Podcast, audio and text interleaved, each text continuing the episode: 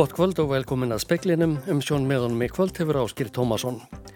Forstjóri Strætó er samfarður um að innleiða þurfi gjaldtöku fyrir akstur í miðborgar Reykjavíkur til að draga ára mengun og jafnvel banna umferð bíla sem menga mikið. Fórseti Skáksambands Íslands furðar sig á þeirri ákvörðun alþjóða Skáksambandsins að banna transkonum að taka þátt í kvennamótum. Óbræð er af vatninu á Akranesi en þó er talið óhætt að drekka það. Frestur sem 20.000 íbúum í bænum Yellowknife í Kanada til að forða sér vegna skóarelda er runnin út. Það er mikil áskorun að ná utanum notkun og misnotkun á gerfi greind í skólastarfi. Það gildir um allan heim en ekkert þýðir að banna, segir gæðastjóri Háskóla Íslands. Kötturinn er sloppin úr seknum. Og um 11.000 hafa skráð sér til leiks í Reykjavíkur marathóninu á morgun. Áheit sem hlaupararnir hafa sapnað eru komin yfir 154, milja, 154 miljónir króna. Öllum 27 starfsmönnum Skagand 3X á Ísafyrði hefur verið sagt upp og starfstöðinni verður lokað. Þungbærar frettir segir bæjarstjórin á Ísafyrði. Skagin 3X er fisktæknifyrirtæki og framleiðir ímsan hátæknibúnað til fiskvennslu. Það hefur haldið úti starfsemi á Ísafyrði í Reykjavík og Akranesi, þar sem höfustöðarnar eru. Haftur eftir Sigsteini Gretasinni, forstjóra fyrirtækisins í tilkynningu, að reksturinn hafi verið þungbær síðustu misseri. Fyrirtækið hafi þurft að fara í veiða mikið endurmat á skuldbendingum sínum í kjölfar eigendaskipta og erfiðra rekstraskiliða. Því hefur öllum 27 starfsmunum á Ísafyrði verið sagt upp og starfstöðinni verður lokað. Arna Laura Jónsdóttir, bæjastjóri á Ísafyrði, segir í samtali við fréttastofu að hún hafi fengið tíðindin á fundi með forstjórunum í morgun. Þetta voru bara þungbara flettir að fá og fyrir samfélagið allt og þetta fyrst að fremst fyrir það starfsfólk sem var að mista vinnuna. Arna segir að lokunin komi einni niður á mentaskólunum á Ísafriði. Nefnendur í yðnámið þar hafi sótt starfsnám hjá fyrirtækinu. Þetta eru þetta um, fyrst og fremst yðnmæntur uh, störf. Uh, þetta fyrirtæki á sér þetta langu sögu hér á Ísafriði og hefur nú verið meðal fremstu fyrirtæki á landinu í hvað var þar hérna nýsköpun og tækni þannig að það er bara opastlega sorglegt að svona sé komið fyrir fyrirtækinu. Skæin 3X hefur dreyið saman seglinn síðustu misseri. 16 starfsmönnum var sagt upp síðasta sömar, bæð á Ísafyrði, Akranessi og í Reykjavík. Þá var 43 starfsmönnum Skagans 3X og félagsins Þorgers og Ellerts sem er í sömu eigu sagt upp á Akranessi í mars 2020. Alexander Kristjánsson tók saman og rætti við Örnu Láru Jónsdóttur. Akkurinesingar kvarta yfir óbaræði af neysluvatni. Fyrstu nýðurstöður úr sínum sem tekin voru í dreifikerfi veitna í gær benda til þess að óhætt sé að drekka vatnið. Verið er að leita mögulegra skýringa á bræðinu sem sumur skagamenn hafa líst sem miklu bræði. Akur nesingurinn Sigrún Ósk Kristjánsdóttir segir að engin lykta eða litarmunur sé á vatninu. Ég er búin að vera í vinnunni í Reykjavík í dag en í gerðskvöldi var ennþá þetta miklu bræð af vatninu sem er búin að vera í nokkra daga. Veitum bárust fyrst ábendingar vegna óbræðs af vatni á miðugudag. Jón Trösti Kárasson er forstuðumar vass og fráveitu hjá veitum. Hann segir að Akranes fái vatn úr þremur vassbólum.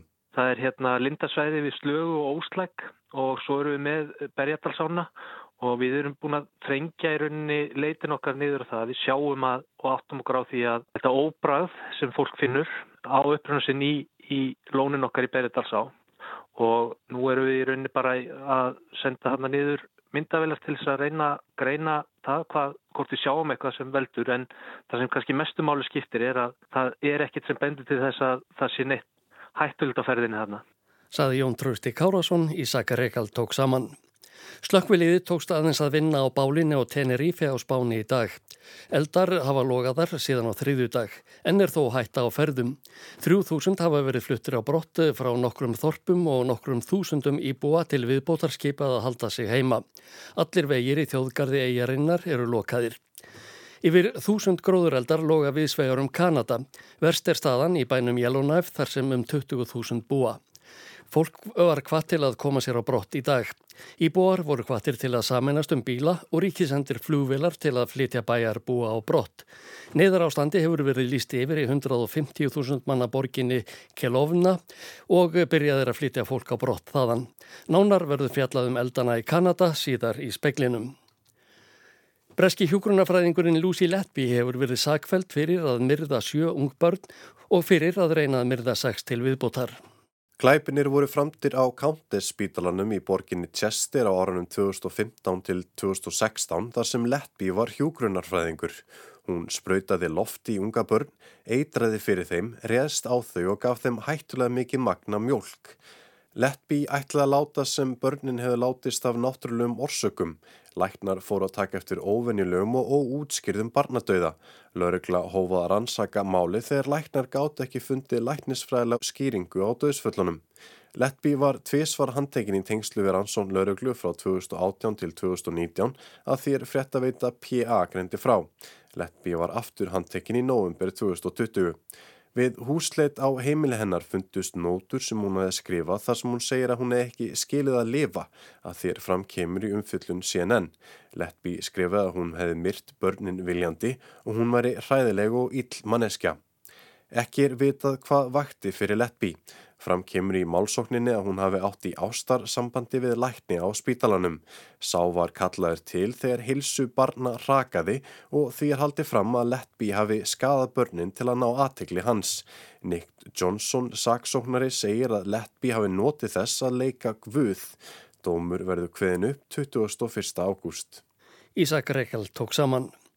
Ákvörðun alþjóða skáksambandsins fíti um að meina að transkonum þáttöku í kvennamótum er skrítin og raung að mati fórsetta skáksambands Íslands. Hann segir að þótt sambandið hafi ekki völd til að breyta skráningum fíti geti það sett sínar eigin reglur á mótum hér heima, þar verði transfólk velkomið. Reglurnar taka gildi á mánudagin og eru hugsaðar tímabundið meðan alþjóða skáksambandið fíti metur hvort þær verið settar varanlega. Yfirlýst markmið sambandsins er að búa til skýrt verklag þegar keppendur ákveða staðfesta kynsitt. Gunnar Björnsson er fórsetið skáksabands Íslands. Hvað finnst þér um ákveðun alþjóða skáksabandsins? Já, hún kemur svolítið óvart og, og svona fyrsta tilfinning mín er að hún sé einfallega raung. Ekki er algengt að keft sé í karlaflokkum á skákmótum fulloruna. Alla jafna er keft í kvennaflokki og síðan opnum flokki. Sáflokkur er skipaður körlum að mestu en konur eru velkomnar. Til dæmis í opnuflokki þá telti Judith Polgar oft, hún, hún kefti aldrei í kvennamótum og hún komst nú í sjöndarsætti hinslistans. Þannig að fyrir því eru fullt af fordamum að konur hafa keft í opnuflokki.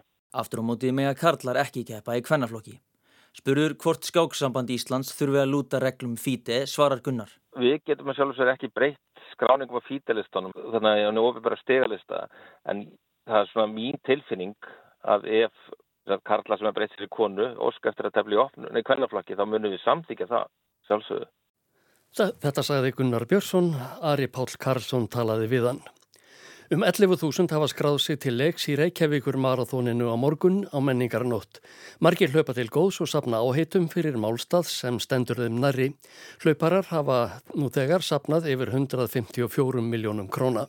Reykjavíkur Marathon Íslandsbanka hefur verið hlaupið árlega síðan 1984 að undanskildum COVID-árunum 2020 og 2021. Fjórar vegalendir eru í bóði. Heilmarathon, hálfmarathon sem er uppselt í, 10 km og skemmtiskokk. Marathoni verður rest í sólegargötu í miðbæ Reykjavíkur klukkan 20 mínútur í nýju í fyrramálið. Sebastian Störrigard er kynningarstjóri Reykjavíkur Marathonsins. Teimið er búin að vera að vinna bara streytulöst síðust daga. Það er allir á orkudrykkjum og stuði sko, þannig að það er bara geggjur stemning og góð viðspá. Þannig að við bara búistu mjög skemmtilegu hlaupi. Hlaupurum í Reykjavíkur marathóninu gefst kostur á að hlaupa til styrtar góðgerðar félagi og þegar hafa sapnast tæplega 154 miljónir króna. Margir hlaupa fyrir félag sem stendur þeim nærri. Gerður Marja Svinsdóttir er einn þeirra. Ég er hlaupa fyrir örnin minningar og styrstarsjóð vegna þess að ég misti pappa minni fyrra og ég hlaupa minningu hans. Örnin gera svo rosalega margt fyrir mann og það er rosalega erfitt að mæta og tala um sorgina en maður eignar svo góða vinir sem maður getur hérna bara deilt reynslunum með. Kristín Jóna Gretarstóttir hleypur fyrir félagið Einstök börn sem er stuðningsfélag barna með sjálfgefa og alvarlega sjúkdóma. Ég á dóttir í félaginu sem er búin að vera í félaginu í 24 ár og við viljum bara láta eitthvað gott af okkur leiða þannig ég ætla að hlaupa morgun og það voru áheit hjá mér að ég, ef ég myndi ná 150.000 þá ætla ég að hlaupa í línu langsokkbúning. Ég er búin að ná því og ég ætla að gera það. Þetta saði Kristín Jóna Gretarsdóttir, urður Örligsdóttir tók saman. Klukkan er orðin 12 á hódegi í bænum Yellowknife, höfustad norðvestur hérraðana í Kanada. Þar með er runnin út fresturinn sem íbúarnir um 20.000 talsins höfðu til að forða sér vegna skóarelda sem yfirvöld óttast að ná í útjæðri bæjar eins um helgina, jafnvel strax á morgun. Rebecca Alti, bæjarstjóri í Yellowknife, var afdráttarlaus þegar hún tilkynnti bæjarbúum að þeir sem ekki væri flúnir yrðu að drífa sig. For those who haven't evacuated yet, please do so now. The highway is open, but it's subject to change at any time. Þið sem ekki eru þegar flúin drífið ykkur. Þjóðvegurinn er opinn en ástandi getur versnað hvenar sem er sagðun og bætti við að þetta væru ekki tilmæli heldur skipun. Þjóðvegurinn sem Rebecca Altry nefndi er eina leiðin til og frá Yellowknife, ein akrein í hvora átt. Teljari við Death Show brúna á leiðinni síndi í morgun að rúmlega 5.100 bílar höfðu farið um veginn frá því að skipunin um að rýma bæinn var gefin á miðvíkudagskvöld og þar af 3.700 í gær. Tammy, íbúi í Yellowknife, lagði af staður bænum í morgun. Hún sendi skilabóð til útvarpstöðuvarinnar eh, Cabin Radio í bænum. Það er engin eldur á þjóðveginum, mjög lítil umferð en sem komið er mjög lítill reykur, mikill lettir. Kötturinn er loksins hættur að mjálma. Flóttafólkið er flest á leið til Alberta í suðri. Umferðin mjakaðist eh, áfram á veginum í gær. Vegna þess hver langt þarf að aka til að komast í örugt umhverfi þarf fólk að taka bensín eða ólí á leiðinu, segir Olli Williams, frettamæður hjá Cabin Radio. Eitt galli er á gjöf njarðar. There is one petrol station between Yellowknife and Alberta, the province to the south, which represents safety. Það er aðeins ein bensinstöð á leiðinni frá Yellowknife til Alberta, segir Williams. Þar á leiðandi myndaðist nokkura kílometra röð í gær við hana í gær. Nú eldsneiti var þó að hafa þar sem eh, þess var vel gætt að fylla á geimana á stöðinni. Ekki áttu allir íbúar Yellowknife þess kostað forða sér í bílum. Yfirvöld áætlað að flytja hafið þurft um 5.000 bæjar búa á brott með flugvilum. Það gekk ekki sem skildi í dag vegna veðurs, þannig að stór hópur sem var mættur á flugvöldin var að snúa aftur heim. Tilstóð að flytja sem flesta á brott í dag. 22 flugvilir voru á dagskrá, auk þess sem flugherr Kanada ætlaði að senda nokkrar flugvilar á vettvang. Tilmæli voru sendt út í morgun til fólk sem flytti átti á brott flugleiðis. Það má einungist taka með sér eina tösku með fötum til fimm daga, lifin sín, hleðslutæki og nöðsynlegustu pappira svo sem persónu skilríki.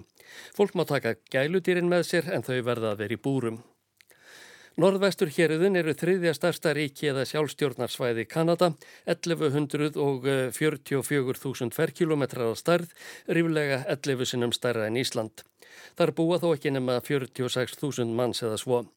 Íbúar nokkur að þorpa og þjættbílisvæða hafa þurft að forða sér að heimann vegna skóareldana sem brenna á 240 stöðum.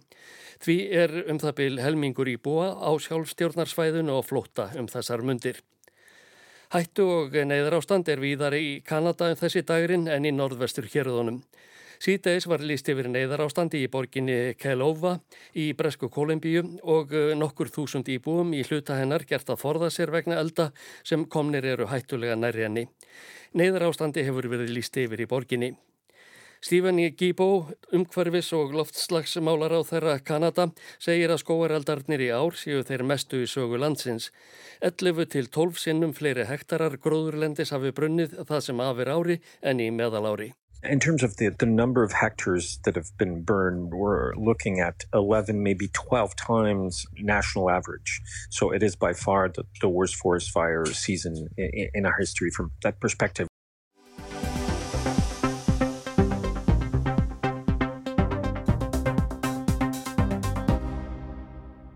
Þau Árni Finnsson, formaður Náttúruvendarsamtaka Íslands og Ágústa Þóra Jónsdóttir, varaformaður Landvendar, nefndu bæði stórbættar almenningssamgöngur sem líkilatriði því að draga úr losun bílaflottans.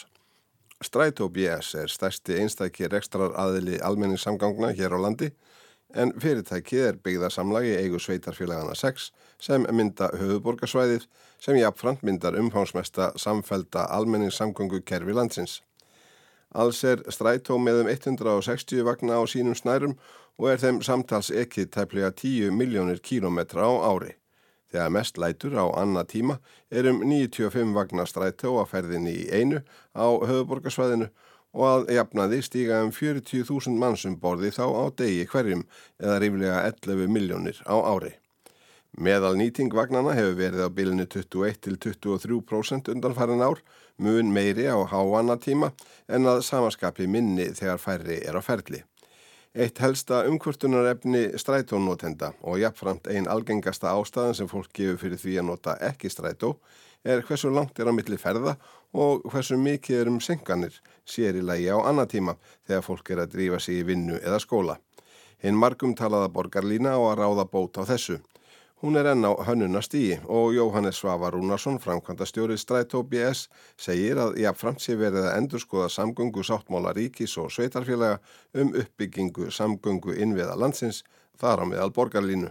Eh, það er svona eh, vonir til þess allavega að fyrsti áfangi komi í gagnið 26, 1.26 ef allt gengur upp og þá erum við að tala um áfanga sem nær frá miðbæ og upp í Kópavók og yfir þá þessar nýju brú sem kemur á fósfagi og svo 27 komi þá annar áfangi sem er þá frá miðbáði upp í, upp í Gravarvók.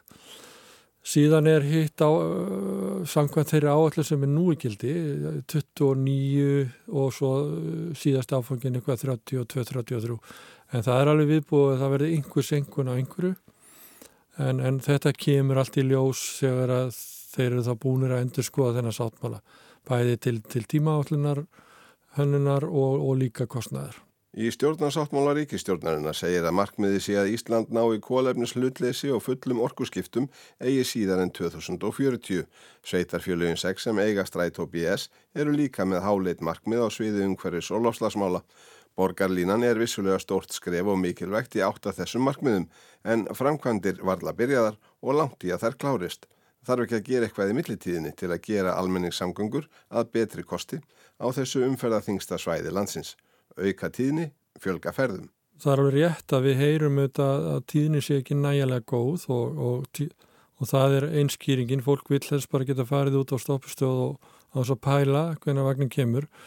Eh, við höfum áttur mótið sagt að það er, það er auðvitað kostnæðarsamt að fjölga vagnu því að aukinn tíðin er fjölgun vagna en, en á meðan að umferðin er eins og hann er að þá væru við í sjálfu sér ef við gerðum bara það, þá væri við sjálfur sér ekki að auka neitt áræðanleika en til að stýtta ferðartíma því að við værim bara fjölga vögnum fæstum umferðum. Þannig að, að það þarf einhvers konar innvið til þess að hjálpa til einhvers konar uh, forganga á ákveðnum stöðum og svo framvist til þess að við komum svona fram hjá umferðinni. En, en planið er að smátt og smátt verði auki við þjónustuna fram að fyrsta áfanga borgarlínu. En, en ég held að það sé alveg horrið hjá öllum bara og allir vita þetta að, að áræðanleiki, aukinn tíðni, aukinn ferðatí, stittri ferðatími, þetta er það sem fólk vil, auðvitað vilja allir fá stræt og beint fyrir utan dyrna sínar, það er ógerlegt bara vegna kostnaður, þannig að við erum að stefna á og það er konceptið með borgarlínu að þetta verður svona stórar fluttningslínur svona í gegnum þessa Uh, hvað segir maður, svona það sem fólkið er að ferðast, það sem fólkið þarf að komast til og maður nefnir sem dæmi kannski, miðbærins, uh, eh, mentaskólar, háskólar, stórir vestlunarkjarnar og svo framvegis. En þetta er alveg, þetta er, þetta er, þetta er að tefjast, þetta er langt fram í tímanum og, og við höfum kannski ekki alla þann tíma sem við viljum til þess að býða eftir þessu ef við ætlum að ná þessum árangri í einhverjus uh, málum. Lítið gagni í fleiri strætisvögnum ef allar götur eru teftar af engabílum, segir Jóhannes, en eru fleiri vagnar ekki ein megin fórsenda þess að engabílum fækki á götunum? Jú, jú, þetta er, þetta er spurningin um hænun og ekki, eða ekki ná hænun, eða veit ekki hvað maður segja. Uh, við höfum auðvitað gert alls konar tilraunir, svona kannski minni átta tilraunir, auki tíni og, og, og reynda svona að sjá hvaða áhrif það hefur og það er, og virðist vera bara almennt í svona almenn sangöngukerfum, að fólk tekur ekki strax við sér. Það er einhvern veginn þarf að sjá alveg hvort að þetta sé áræðilegt, þetta sé komið til með að vera, þess að það veri ekki skora niður aftur áður eða fjárfestir í einhvers konar mánaðakorti eða, eða árskorti í almennsengum. Þannig að, þannig að jú, það, en, en það er alveg klart mála að betri almenningsengungur þær munu fækka enga bílum. Það er alveg klart mála og ég held að Það þurfi reyndar að koma til og það er auðvitað svona kannski þessi neikvæði hlið þessu, það þurfi að koma til einhvers konar stýring á umferð engabíla í, í svona miðbæjum og, og, og náttúrulega skoða bílastæðamál bara helstæð þannig að, þannig að það sé svona kannski aðeins verið að íta fólki inn í almennisögungur. Það var að berast eftir bara í dag frá Lundunum að það er að stækka enn meira það svæði í miðborginni sem fólk þarf reynilega að greiða fyrir að fá að aka um gödunar. Telur eitthvað slíkt komandi greina hér? Já, það er akkurat kannski það sem ég er að vísa í að, að, og þetta er ekki bara lundunum, við erum að sjá þetta meira minna gerast svona í flestum stórborgum Európu að það er verið að stækka þessi svæði þar sem bílaðum fyrir þeir takmörku með einhvers konar gjaldtöku eða jafnvel bara alveg bönnuð og í mjög mörgum borgum hérna í kringum okkur er jafnvel bara bannað að keira á ákveðnum tegundum bíla inn í miðborgina og þá er ég að vísa í kannski svona bíla sem að hafa lágan umhverju staðal í, í, í sinni þessast gamlir bílar getur við fyrir orða þetta er svona kallast júróstaðlar og í mörgum borgum ertu bara það mátt ekki keira nema þú setja keira á nýjasta og besta umhverju staðlun ég er alveg samfærður um það að þetta þarf að gera hérna líka. En, en það þarf auðvitað að vera þessi valkostur þá fyrir þá sem að hafa nýtt sér þann ferðamáta að fara með enga bílu þá þarf valkosturinn sem kemur í staðin, hann þarf að vera góður. Þetta sagði Jóhannes Svavar Rúnarsson, framkvæmdastjóri Strætó í samtali við Ævar Örn Jósefsson. Þeir halda á framaræða almenningssamgöngur á Íslandi, losun og loftslagsmál í speklinum eftir helgi.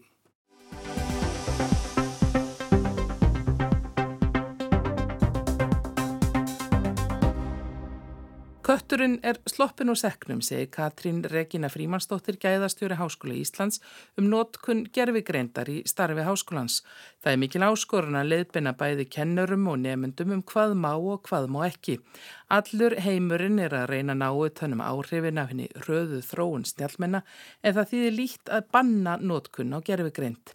Spjallmenni á borfið það þekktasta tjatt GPT má til dæmis byggja um texta af ákveðni lengdum öll möguleg og ómöguleg efni.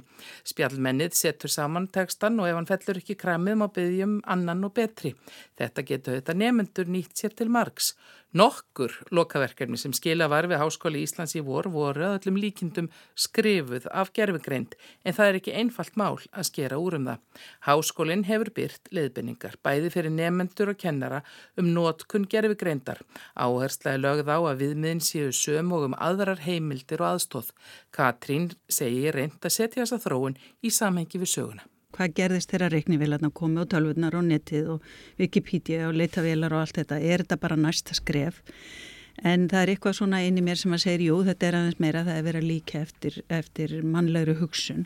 Og það er nýtt skref. Þetta er áskorun að því leiti að það er bæði hægt að, að misnota þetta en þetta er líka óendaleg tækifæri sem fylgja þessu. Katrín segir ekki alltaf hægt að greina á milli þess hvort mannsugurinn einn eða gerfigreind vann verkefni og með tæknin eins og við höfum hana núna hvort sem að eru hérna, hugbúnaðar eins og Turnitin sem að háskólanir hér á Íslandi nota það, það nær þessu ekki. Það var um tíma þannig fyrra vetur að við heldum að við getum sendt inn hérna, skjöl aftur inn í gerfigrendan og spurtana, skrifaður þú þetta? Og hérna fyrst kom já ég skrifaði þetta. Svo kannski sendur þetta inn daginn eftir og þá kom nei ég skrifaði þetta ekki. Þannig að það er alls ekki áraðanlegt og það er heldur ekki áraðanlegt að ég törnit inn og ég bara fæ tölupósta daglega einmitt um, um hvað er törnit inn að gera í, í þessu en það þriðja er núna að það verið að reyna að setja þetta á herða fyrirtækina sjálfra hvort sem að það er Google, Microsoft eða OpenAI sem eru öll með gerfugrindar hérna tæki að setja þá vassmerki eða eitthvað á bakvið sem hættir að fela þannig að nefndu sjáu þetta ekki. Það er verið að reyna allt mögulegt. Margir hafa varað við hraðri þróun gerfigreindar, hún beri með sér margar hættur og jafnvel krafist þess að gertir þið hálsars hlið á framþróun tækninar. Við setjum ekki stoppa á þetta. Þetta bara lestinn er farin og, og þetta er komið af stað og þetta fer ekki neitt.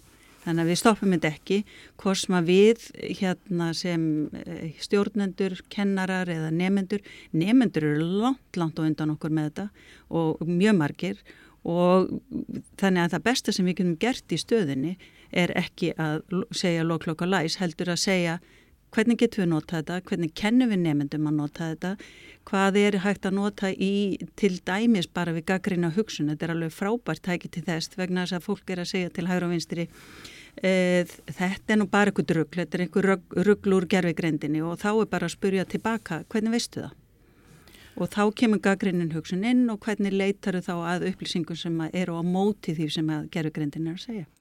En getur þú nefnir dæmi um það hvernig hægt er að nota þetta tæki til dæmis í kennslu? hérna, segjum sér svo að kennari segir bara við nefnendur, ég vil að þið farið inn í gerfugrindina, þið hérna, leitið upplýsinga um eitthvað ákveðverkefni sem að annarkur kennarin stýrir eða nefnandin, komið með textan og síðan rínið því textan og segið, mér, segið sjálfum ykkur og okkur hvað er rétt og hvað er rámt við þetta. Það er einleið að gera þetta, að nýta þetta tannig. Síðan er önnuleið að bara að byrja því að nefndur geta til dæmis bara að byrja því að fá yfirlitt en það er í sjálfsveitsur ekkert mikið öðruvísi heldur en að googla það og það er alls konar svona tækifæri í þessu, það er að það er mikið notað að set, setja inn ennskan texta og svo segir bara viðtækið getur skrifað þetta á Oxford ennsku fyrir mig og þá kemur það alveg ótrúlega flott tilbaka. Það er líka þetta að segja getur skrifað þetta á máli eins og ef ég væri 11 ára þá kemur það tilbaka eins og þú væri 11 ára eða eitthvað svo leiðis. Er, þetta er alveg ótrúlega flott ekki. Það er, það, það er ekkert að bera móti því. Kennara geta sett eigin reglur í námskeiðum? Kennar getur sagt, ég, þið, not, þið megið ekki nota snjálfmennið eða, eða chat-GPT í, í, í þessu námskeiði og annar kennar getur sagt ég vil að þið noti þetta en algjörlega hérna, þið farið eftir mínum reglum með það. Þannig að það er að stýra þessu en, en síðan er sannunabyrðin um hvort nefnandi hefur gert það eða ekki er annað en það er alls konar leiðir að því að, að, að segja við nefndur já við rettum þetta í tíma, nú vil ég að þið komið með tilbaka frá mér byggt á því sem er rettum um í tíma þá vil ég að þið gerið eitthvað ákveð og, og gerfigreinding getur oftast ekki glimt við það en, en hún er náttúrulega, sko það er breyting frá degi til dags hvað hún getur gert. En þetta með að, að hérna, hvernig við getum notað þetta, það, við, sko, það er misnótkunn, það er ekki spurningum það, það er þetta misnótað. Við höfum séð nefnendur sem að um, voru í mastisnámi, höfðu engu skilað og ekki sérst til í mörg ára og svo allt innu kom bara fullbúin rítgerð, mastisrítgerð. Og þá fari bjöllur af stað. En hvað hefum við að gera? það er, það er næsta skref og sem við erum að vinna í með löffræðingunum, hvað getur við gert? Það því sannunabyrðin er mjög há eins og ná að vera. Og hvað getur við gert? E, það fyrsta sem við getum gert er bara að setjast niður með nefndanum og segja, heyrðu, við, bara, er hérna, við erum að velta fyrir okkur hvað gerðist og við hefum ekkert heyrt í þér í einhver tíma eða einhvers konar verkefni, einhverju tægi, ég tek þetta bara sem dæmi. Ef við ekki að setjast niður og ræða innihaldið? Getum við ekki aðeins svona bara farið fram og tilbaka þannig að það er bara samtal millir nefnda og kennara, það er ekki, ekki próf, þetta er ekki munlegt próf, heldur þetta samtal og kennarin átt að sjá því mjög fljótt hvað er nefnandi stendur. Mm. Háskólinn vill auðvitað útskrifa nefnendur sem á lokið námi af heilundum og er þeirra sjálfra, segir Katrín, en ekki tækis eða tóls, bann skilar yngu. Það þýðir ekki bannað. Kötturinn er farin á segnum, hann er hlaupin á stað. Þetta saði Katrín Regina Frímansdóttir, geðastjóri Háskóla Íslands. Anna Kristín Jónsdóttir talaði við hana.